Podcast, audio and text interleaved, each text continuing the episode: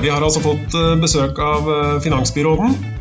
Har hatt en veldig hyggelig prat om bl.a. leverandørkrav, luftkvalitet, plantebasert kjøttdeig, elektrisk nesoddbåt og mye, mye mer. Han er en riktig så trivelig fyr og en veldig dyktig fagperson. Så bli med nå og bli litt bedre kjent med Oslos finansbyråd Einar Wilhelmsen. Hjertelig velkommen skal du være, Einar. Godt å se deg. Tusen takk. Tusen takk.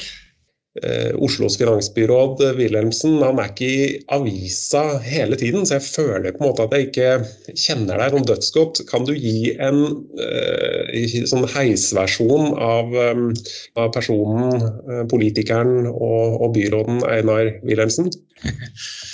Jeg er jo finansbyråd fra Miljøpartiet De Grønne, så det er klart at jeg har jo et ekstra hjerte for uh, grønn politikk. Og jeg kom nok egentlig rett og slett inn i politikken fordi at jeg eh, var så lei av å være redd når jeg sykla til jobben. Og så fikk jeg barn som begynte å komme i sånn eh, alder at de skulle drive og bevege seg til eh, trening og sånn. Og så satt jeg og tenkte at jeg tør søren ikke sende gutta mine på sykkel til, til baskettreningen. Og da ble jeg så forbanna, så det var på en måte veien min inn i politikken. Så, da, så der begynte det. Så er jeg en Født og oppvokst i Oslo, fryktelig glad i byen. Eh, og jeg er glad i hele byen. Eh, eh, superglad i marka, selvfølgelig. Alle mulige former, men jeg er kjempeglad i byen vår også. Og er jo veldig lei meg akkurat nå som koronaen gjør at sentrum er stengt og man liksom ikke får brukt indrefileten ordentlig.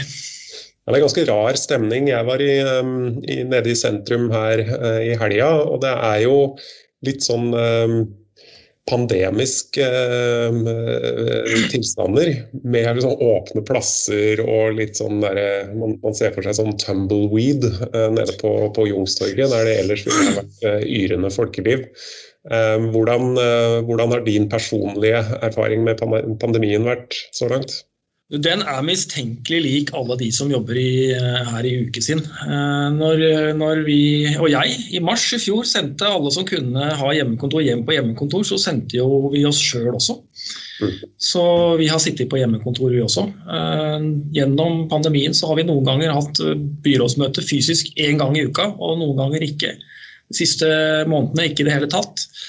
Så vi tar og føler på, på pandemien, vi også. Og sjøl satt jeg, jeg hjemme med, med, kone og to barn, og alle sammen på, på Teams.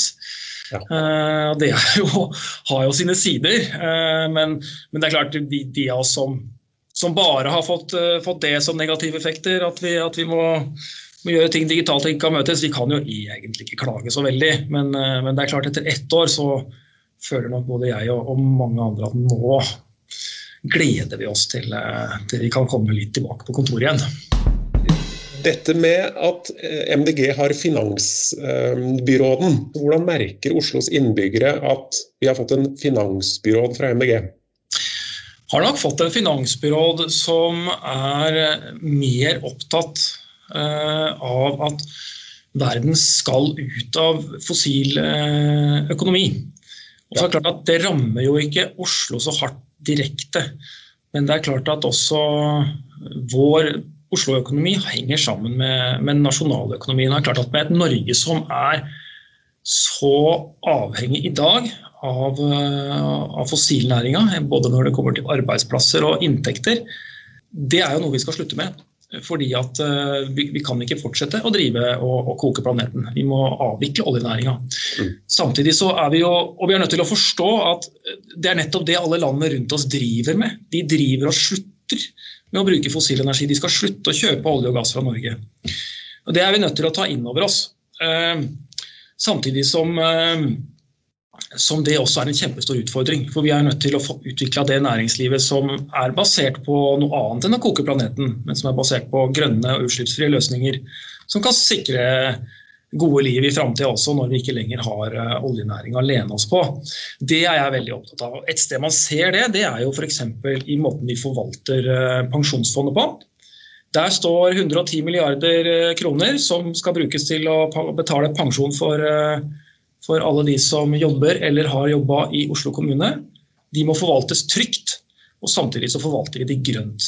Så vi er i ferd med å vi har i realiteten flytta alle pengene der ut av fossile investeringer eh, direkte. Og så, og så, jobber vi fortsatt med å få mindre og mindre eksponering mot fossilt. Det går kjempebra. Vi hadde rekordresultat i det vanskelige pandemiåret 2020 f.eks. Og så vil dere jo merke det i uka òg, hva, hva, hva vi er opptatt av. Vi er jo veldig opptatt av å bruke Oslo kommunes investeringer og kjøp til å være med å dra verden i en mer miljøvennlig retning. Enten det kommer til eh, klimakrav til transport, eh, krav til reparasjon av produkter osv. osv. Mm. Bare eh, for mitt eget vedkommende, Du nevnte pensjonsfondet. Dette er et eget fond som Oslo kommune har, og noe annet enn det såkalte oljefondet? Ja, Det er helt riktig. Vi har noe som heter OPF, Oslo pensjonsforsikring ja. som, eh, som, eh, Oslo kommune eier. Eh, og der, der er alle pensjonspengene til, til alle som har jobba og har pensjonsordning gjennom Oslo kommune. Og de, de, pengene er da investert, de 110 milliardene er da investert på forskjellige måter i verdensmarkedet, men i stadig mindre grad i noe som har noe som helst med fossilt og fossil energi å gjøre. Så Sånn sett så er Pensjonsfondet godt skodd for den grønne revolusjonen. For, eh, for våre penger er ikke i, i solnedgangsnæringa som driver med fossilt. Hvem er det som eh, nå ble jeg litt sånn nysgjerrig her, eh, Forvaltningen av dette regner jeg med gjøres av OPF sjøl. Er det noen forbindelse mellom byrådet og, eller politikerne i Oslo og forvalterne i OPF? Ja, for eh, OPF er et aksjeselskap som eies av Oslo kommune. og Det er én aksje i det selskapet som eh, faktisk finansbyråden eh, har. Så det er da jeg som er finansbyråd, som er generalforsamlingen. Bare så det ikke ingen misforstår. Forvaltning av pensjonspenger er underlagt strenge lover og regler nettopp for å sikre at det blir avkastning og at, at ansattes pensjoner er trygge. Og det er det jo. Men innafor dette så klarer vi likevel og, og, sørge for at vi også når andre mål, bl.a. av å flytte pengene ut av fossil energi. Og samtidig sikre god avkastning. Mm. Eh, jeg tenkte jeg skulle sitere litt fra uh, tildelingsbrevet fra uh, byrådsavdeling for finans til uke for 2020, eh, unnskyld, 2021. Uke skal være kommunens pådriver, koordinator og tilrettelegger i arbeidet med å fremme sunn og bærekraftig mat, der reduksjon i kjøttforbruket har aller høyest prioritet, står det i tildelingsbrevet. Hvor stort ansvar har vi som kommunens ansatte for å bidra til å kutte byens klimautslipp? Ja, eh, først så må jeg si at det var en litt sånn morsom forsnakkelse at uh, kanskje vi skulle tatt 2020 en gang til. For det, det året håper jeg at uh, ikke kommer igjen, for å si det sånn. Nei, altså Jeg har lyst til å skille mellom ansvaret vi har som person og ansvaret vi har som, på en måte, som kommune. Jeg er veldig opptatt av at vi ikke skal redusere spørsmålet om klima og bærekraft og sånt til sånn personlig ansvar. Det systematiske ansvaret som, som ligger i, i kommunen, eh, eller i andre som, som, på en måte regulerer og styrer samfunnet. Det er, det er, der vi bør rette fokus. Og Sånn sett så mener jeg at eh, vi som kommune har et stort ansvar for å være med på å eh, styre verden i en riktig retning. Så er det sånn at Vi har satt oss høye klimamål for Oslo kommune, som vi styrer gjennom klimabudsjettet vårt. Mm. Vi skal redusere utslippene med 95% Det gjelder jo de utslippene som er direkte innenfor Oslo kommune. Det har jo ikke så veldig mye med kjøttspising å gjøre. fordi at eh, Om vi spiser kjøtt eller ikke, så påvirker ikke det utslippene akkurat inne i Oslo. Men det har mye å si for de globale utslippene. Og det har mye å si for uh, forvaltningen av verdens natur. For det er åpenbart at kjøttproduksjon krever store landarealer. Det er ikke så rart, ikke sant? Fordi at uh, enten det er kyr eller griser eller høns eller hva det er, så spiser de ganske mye kraftfôr. Uh, altså korn og soyaprotein stort sett, da, som er produsert eh, på landareal. Og den effektiviteten der å konvertere fra soyaprotein til kjøtt, den er veldig lav. Mm. Eh, sånn at Hvis vi hadde spist den, den, den soyaen sjøl, istedenfor å la den gå veien om eh, ei ku eller en, eh, en gris, så vi, kunne vi klart oss med veldig mye mindre landareal. Mm. Og Derfor så er jo kjøttproduksjon både en stor kilde til klimagassutslipp og en stor kilde til naturtap og nedhogging og nedbygging av, eh, av, naturområder. Eh, så det er et stort problem, og Derfor så mener jeg at Oslo kommune har en viktig rolle. Og Der kan vi komme til på mange områder. Fordi at det å få et mer balansert kosthold med lavere kjøttforbruk, det krever jo mange forskjellige virkemidler. Og Oslo kommune sitter på en god del av dem. Gjennom våre egne kantiner, vår egen matservering, men også gjennom hvilke holdninger eh, vi viser fram. Og vi kan være med på å, å hjelpe hele Oslos befolkning å få et kosthold som er mer i tråd med klimamålene i Parisavtalen, og mer i tråd med målet om at vi ikke skal, eh, at vi skal stoppe eh, det FN vel kaller den fjerde masseutryddelsen, altså store tapet av av arter som vi nå er i gang med. Mm. Og Da kan man gjøre et sånt enkelt grep som f.eks. står i byrådserklæringen. da, Som er at hvis du går på et kommunalt arrangement i gamle dager og fikk matservering, så hvis du ikke sa hva du ville ha, så fikk du kjøtt. Men hvis du ba om vegetar, så fikk du det. Det ønsker vi å snu på huet, så hvis du ikke sier noe, så får du vegetar. Ber du om kjøtt eller fisk, så, så får du selvfølgelig det.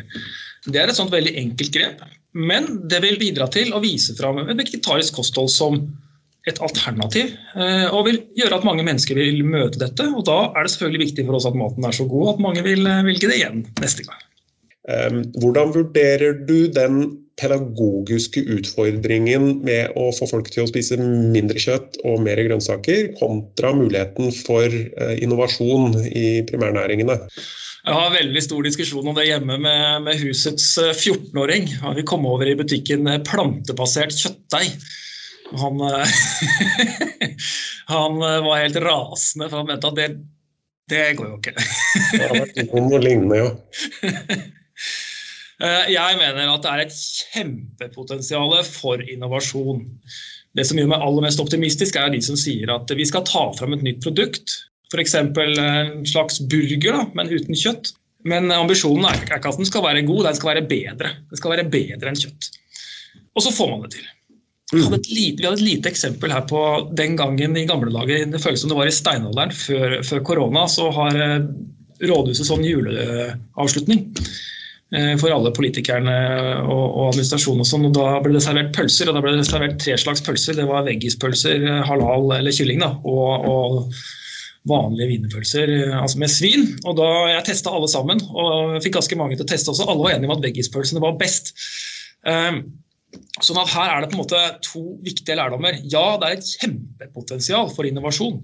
Mm. Uh, og jeg er egentlig har litt lyst til å spille ball med landbrukssektoren. Liksom, hvor, hvor, er dere her? Må, er det et rom dere kan fylle for nye, veldig spennende produkter? Og jeg tror at betalingsvilligheten blant mange Oslo-borgere også kan være ganske stor. Samtidig som eh, den maten som man serverer, må være god. Eh, og det er klart at Når man inviterer folk til å bytte kosthold, spise litt mindre kjøtt, spise litt mer plantebasert. Så, så, må det være velsmakende godt. Hvis ikke så, så kjører man huet i veggen. tror jeg. Så Det er også en stor utfordring. altså.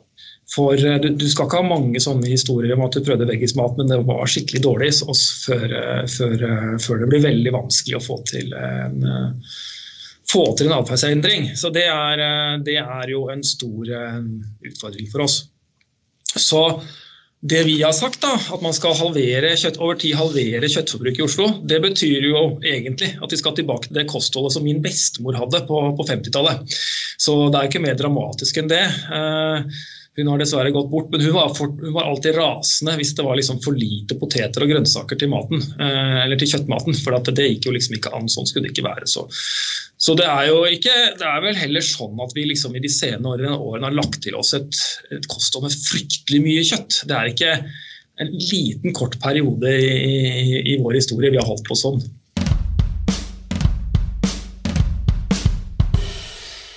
Har du et par sånn derre underhånden-tips eh, til oss i uken når det gjelder nettopp dette her med oppfølging av leverandørene. Eh, vi har på Ukebåten tidligere hatt eh, folk fra innkjøpstjenester inne og fortalt om dette her i en episode som vi kalte 'Ukeredder verden litt'.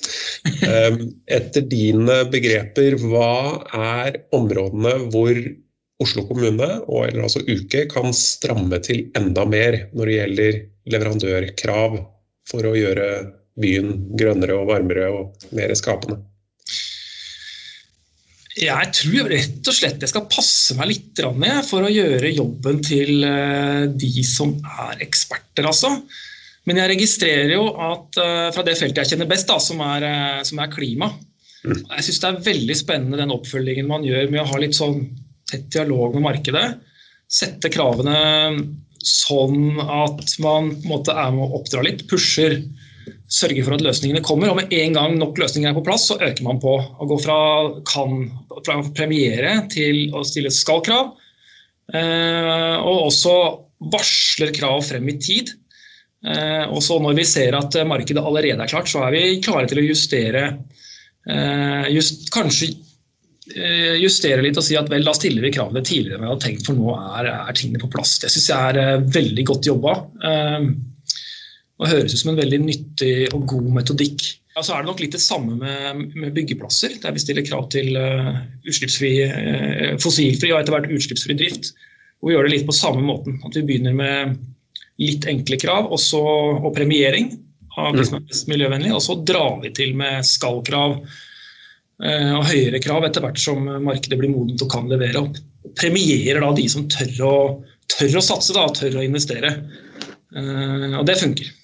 Jeg bare så eh, rett før vi starta her, jeg ble minna på en nyhetssak om forgjengeren din, Robert Steen. Han sa i 2016 at 200 000 Oslo-innbyggere bor i områder med helseskadelig luftforurensning. Ehm, er det i tillegg til det vi akkurat nevnte, noen andre viktige tiltak som vi ikke har vært inne på? Og oppfølgingsspørsmål, vet du hvordan det ligger an med eh, bylufta eh, per 2021? Eh, det er jo veldig mange ting som er kjempeviktig, men som jo ligger litt utafor hva, hva, vi kan bruke uke til. Det er klart at hele transportpolitikken, alle bilene og alt det der, er jo har jo veldig mange skadelige miljøeffekter. Både klima- og luftforurensning, som du, som du peker på. Og så sitter jo Uke selvfølgelig på en liten av løsning, eh, bit av løsningen. Da, kan være med på å transformere markedet for uh, varebiler og lastebiler og sånt.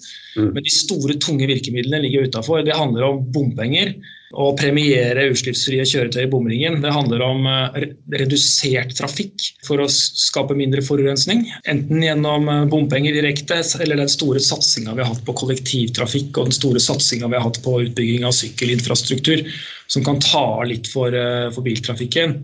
Så, så den der luftforurensningssaken er jo en skikkelig gladsak, egentlig. Det var jo som du, helt riktig som du sier, ikke sant? Tilbake, ikke så langt tilbake til 2016 så var levde mange hundre tusen mennesker i Oslo med luft som var helseskadelig. Og Sånn har det jo vært siden tidenes morgen. på en måte. Mm. Er egentlig helt utrolig at vi har akseptert det. Jeg, jeg skjønner ikke helt sjøl at, at, folk eh, og meg sjøl liksom fant oss i det. Ehm, her er det jo en litt sånn sosial dimensjon også, for det er jo ikke hvem som helst som bor i de eh, områdene med høyest luftforurensning. Det er i hvert fall ikke de som har best råd, for de bor jo oppe i åsen. Mm. Så det er jo de som i utgangspunktet har dårligst råd og minst ressurser, som i tillegg da blir boende der det er dårligst luft. og, og, og det finner vi jo igjen i levealderstatistikken. ikke sant? Så det er jo egentlig helt forferdelig. Så, så jeg er veldig stolt av alle de tiltakene som vi har satt inn, eh, og veldig fornøyd med at uh, luftforurensninga i Oslo har gått kraftig ned de siste åra. Det handler jo om denne transformasjonen av bilparken, mm. som vi bl.a. har fått til med å bruke bompengene med å premiere elbiler. Vi er i ferd med å skifte ut hele bussparken til busser uten utslipp i det hele tatt. Ferjene er gått over på, på elektrisk kraft, det er landstrøm til de store båtene.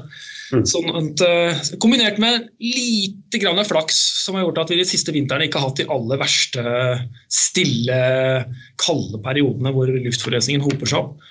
Men, eh, men, antallet som lever i, i skadelig luft nå, er kraftig redusert. Og det er veldig, veldig bra. Det betyr ikke at problemet er løst, men vi har på en måte kommet over disse Vi bryter ikke lenger loven eh, og grensen i forskrifta, men vi er fortsatt ikke under disse nivåene, sånn at vi kan si at lufta ikke er helseskadelig i det hele tatt. Men eh, veldig mange er flytta ut av altså, Bor ikke lenger i områder med direkte helseskadelig luft. og Det er jo en kjempesuksesshistorie, egentlig. Vet du noe om denne, hjemme, dette hjemmekontoråret, altså korona, også har bidratt litt for, for luftkvaliteten, eller er det for tidlig å si noe om? Ja, det vil jeg tro. Fordi eh, jeg, eh, jeg skal ikke begi meg ut på en eh, tolkning av luftkvalitetsdataene for 2020, hva som er vær og hva som er korona. Mm. Hva som er vår politikk, altså. Men, men, det er klart at det er et år hvor det er, var enda flere elbiler enn året før. og hvor bomringen fortsatt ga, ga, ga, insentiver til å kjøre mindre, til å bytte til sykkel eller kollektiv. Så kom jo koronaen, da. Det gjorde jo at flere at, flere, at mange av de som Vi ba jo folk ikke kjøre kollektivt. Eh, og det ber vi fortsatt om fortsatt. Mm. Eh, og det gjør jo at mange flere har sykla, og mange flere har kjørt bil. Mm. Men så, også, så, har vi også bedt folk holde seg hjemme, og vel forskriftsfesta det òg, hvis du kan. Eh, og det gjør jo at færre kjører bil. Så netto så er jo biltrafikken i fjor i hvert fall redusert med ja, 8% er vel et sånt tall jeg har sett da, sånn i snitt gjennom året. Så det peker jo mot, eh, mot lavere luftforurensning i, i, 2020 også, på tross av at kollektivtrafikken har hatt en reduksjon på, på 50% eller 40-50% over året. Er det sånn at uh, det finnes et argument for uh, hjemme, altså koronavennlig arbeidsform av uh, klimahensyn fremover etter korona? Mm. Ja, først så må jeg jo si, da, før jeg blir altfor entusiastisk her, at jeg tror at uh, alle kontoransatte i Oslo kommune nå gleder seg til de kan komme tilbake på jobben. Uh, og ønsker seg det og har lyst til å møte kollegaene sine og møtes over kaffemaskina og ta en prat i gangen og gjøre alle disse eksotiske tingene som vi ikke har gjort på over et år. Mm. Men når vi igjen kan få lov å gjøre det, uh, så tror jeg vi ganske fort vil se at verden er ikke som den var. Dere i Uke var jo med på å gjøre en vanvittig kjempejobb i mars i fjor. Når vi rulla ut Teams til, eh, til alle de kommuneansatte som skulle ha hjemmekontor. Det gikk fort, og det gikk utrolig bra. Eh, og jeg var helt sikker på at dette kom til å bli masse kluss, og det blei det ikke. Eh, og nå har vi rulla det ut, vi har lært opp folk, og vi har brukt det i et år. Og vi kommer jo ikke til å reise like mye som vi gjorde før. Jeg er helt sikker på at det, når liksom tingene har normalisert seg igjen etter korona, så kommer vi til å ha litt mer hjemmekontor. Ikke, ikke, ikke, ikke liksom hele uka, men kanskje en dag eller to hver uke. Mm. Vi kommer til å kunne være litt mer fleksible på avreise. Vi kommer til å, å ta møter digitalt der vi ikke trenger å være fysisk. Jeg hadde en gang en, en jobb hvor jeg liksom drev og fløy til Bergen og Trondheim og sånn for å ha korte møter. Jeg tror ikke noen kommer til å holde på det med det med. Bruke en hel arbeidsdag for en to timers møte i Bergen, liksom. Eh, det tar vi på Teams. Mm. Jeg tror også internt i kommunen, alle, Vi sitter jo på forskjellige steder. Istedenfor å drive og farte rundt og møte hverandre, så kommer vi til å ta en god del av de møtene på Teams. Og Det her kommer til å ta bort en god del av det transportbehovet vi har i dag. Og det kommer til å ta bort en god del av de rushtidstoppene vi har. For det er ikke sånn at alle trenger å reise til kontoret samtidig lenger. Så som finansbyrå så er jeg litt optimistisk på, på, hvor mye vi egentlig nå kan spare på investeringer, særlig i motorveier, som vi ikke kommer til å trenge lenger. Fordi at eh, vi kan rett og slett ta bort eh, toppene i rushtrafikken. Og vi kan, senke, vi kan rett og slett ta ned, ta ned transportbehovet litt. For vi trenger, ikke, vi trenger ikke at alle kjører matpakka til, eh, til jobben samtidig lenger. Vil det komme noen politiske signaler i så måte, tror du, eller regner du med at dette er ting som altså, Er dette tendenser du ser for deg vil, vil skje organisk? Jeg tror det vil skje helt organisk. og Her er det jo ikke bare Oslo kommune, men det er jo massevis av altså alle, alle kontorbedrifter, hvis jeg kan kalle det det, i Oslo har jo nå jobba med hjemmekontor i, i, et år. Jeg har en nabo som jobber i en IT-bedrift. Jeg traff han her om dagen. Han har vært tre dager på kontoret siden mars i fjor. Eh, det er klart at Han ønsker seg tilbake på kontoret, men det er også klart at eh, det selskapet han jobber i, med de amerikanske eierne, de kommer ikke til å investere i store kontor, kontorlokaler i Oslo. De kommer til å kutte kostnader ved å flytte folk eh, ut og hjem og bort. Ja. og de kommer til å, få sine ansatte til å jobbe mye mer fleksibelt. Så her er det, sånn, det er en kjempestor push. Og så jobber vi i kommunen med det også og ser på hvordan vi kan ta med oss de gode tingene her. Hva vi skal lære av pandemien. For det er jo en del som, av de tingene jeg snakket om nå, som er nyttige og bra ting vi kan ta med oss. Og så er det en del ting som ikke er så bra. Eh, for det er mange spørsmål å stille rundt arbeidsmiljø, eh, rundt eh, hvordan er det egentlig på hjemmekontoret. Hvordan er det å være nyansatt i Oslo kommune når du ikke, kan møte dine, ikke engang kan møte dine kolleger. Altså det, men, men, det skal vi klare, å sikre både godt og trygt arbeidsmiljø, samtidig som vi tar med oss noen av disse gode effektene av, av den digitaliseringen som vi nå har gjennomført og investert i. Mm. Ja, apropos det med eh, trivsel og hjemmekontor. Eh, hva er det viktigste vi kan gjøre, mener du, som eh, organisasjon og som kultur overfor hverandre, men også i de kravene vi stiller til, til ledere og virksomheter osv., for å sørge for at eh, pandemien ikke tar fullstendig knekken på oss før, eh, før vi er fullvaksinerte? Ja, vi må være greie med hverandre, tror jeg. Eh, Sjøl så kan jeg gi det rådet jeg aldri klarer sjøl, men det å ta seg en liten tur om morgenen eh, og ikke kaste seg rett på PC-en, det er jo lurt. Og det å ha ledere som også hjelper oss å si at nå er arbeidsdagen slutt. For det er klart at Når du har kontoret på kjøkkenbordet hjemme, så er det jo lett at det flyter over i at tiden flyter i hverandre. Eh, når vi er på kontoret, så går vi jo liksom hjem. Så da har man en sånn, eh, en sånn punkt i hverdagen hvor du liksom lukker PC-en, og så går du hjem. Men hvis den står der på kjøkkenbordet, så gjør du ikke det. Mm. Og så tenker jeg at Vi må jo bruke de digitale mulighetene så godt vi kan. snakke sammen. jeg var akkurat på et bærekraftseminar hvor jeg innleda. Der med, med, det var vel over 100 mennesker som var med, alle sammen fra Oslo kommune. For vi skal lage et sånt bærekraftnettverk. Veldig spennende. Ja. Der hadde vi organisert det sånn at vi alle ble putta i små rom. Eh, først så ble møtet åpna, og så ble alle putta i små rom eh, digitalt. Og så kunne vi prate litt sammen. Bli litt kjent med noen nye. Så jeg tror det er viktig å skape de små rommene der også. Hvor vi møter nye folk og, og har litt sosial interaksjon selv om vi ikke er i samme rommet. Og Så får vi jo håpe da at vi snart kan åpne opp litt, sånn at vi kan åpne opp for noe mer hjemmekontor, nei unnskyld, noe mer kontor etter hvert. Eh, og Da blir det jo en ledelsesoppgave å sørge for hvordan man gjør det, og kanskje også se på hvem som eh, og i hvilken rekkefølge hvem som, hvem som har hvilke behov. og sånn. Nå eh, er det så vi nærmer oss eh, tiden her, ser jeg på klokka. Jeg tenkte bare å um, høre med deg om um, et tema som vi ikke har snakket så mye om hittil, nemlig det med mangfold. Det kommer jo veldig tydelig til uttrykk også i uh, tildelingsbrevene, både i år og i fjor, og sannsynligvis fremover òg. Byrådet er opptatt av mangfold. Har du noen eh, spesielle forestillinger for, egen, for, ditt eget vedkommende om hvordan Oslo bør jobbe generelt for å, for å, øke mangfoldet i Oslo kommune? Ja, det har jeg jo. Det handler jo for det første mye om hvordan vi bruker eh, ansettelser. Eh, og hvordan vi altså, sørger for at, eh, at, Oslo kommune også er en mangfoldig kommune. Med, med, og at vi ikke på noe vis diskriminerer eh, eh, folkegrupper eller noe sånt i, i disse prosessene. Det, det, er jo, her er det jo både liksom, hva skal man kalle det for noe, også litt sånn usynlige strukturer som det kan være greit å, å adressere. Eh, så er det vel sånn at når det kommer til likestilling, så er vel og vi ser på ledere og sånn, så er jo Oslo kommune en ganske så likestilt kommune. Med, med en god fordeling mellom kvinner og menn, i hvert fall. Mm.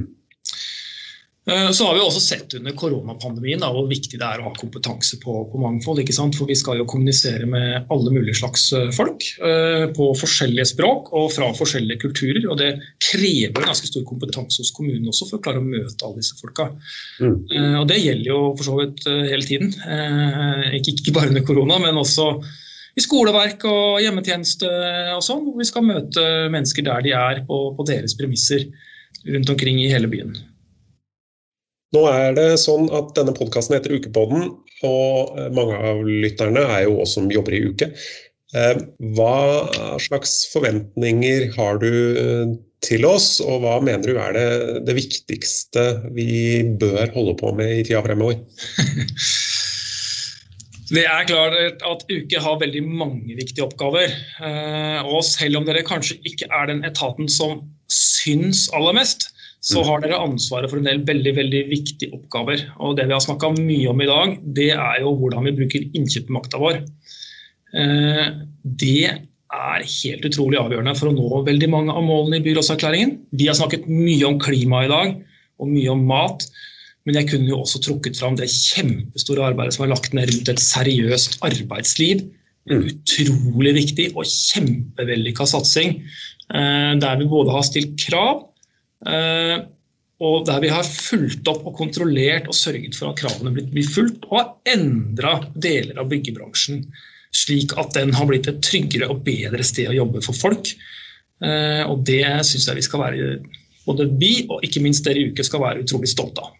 En god måte å avslutte på. Tusen hjertelig takk skal du ha, Einar Wilhelmsen, for at du var med oss. Tusen takk.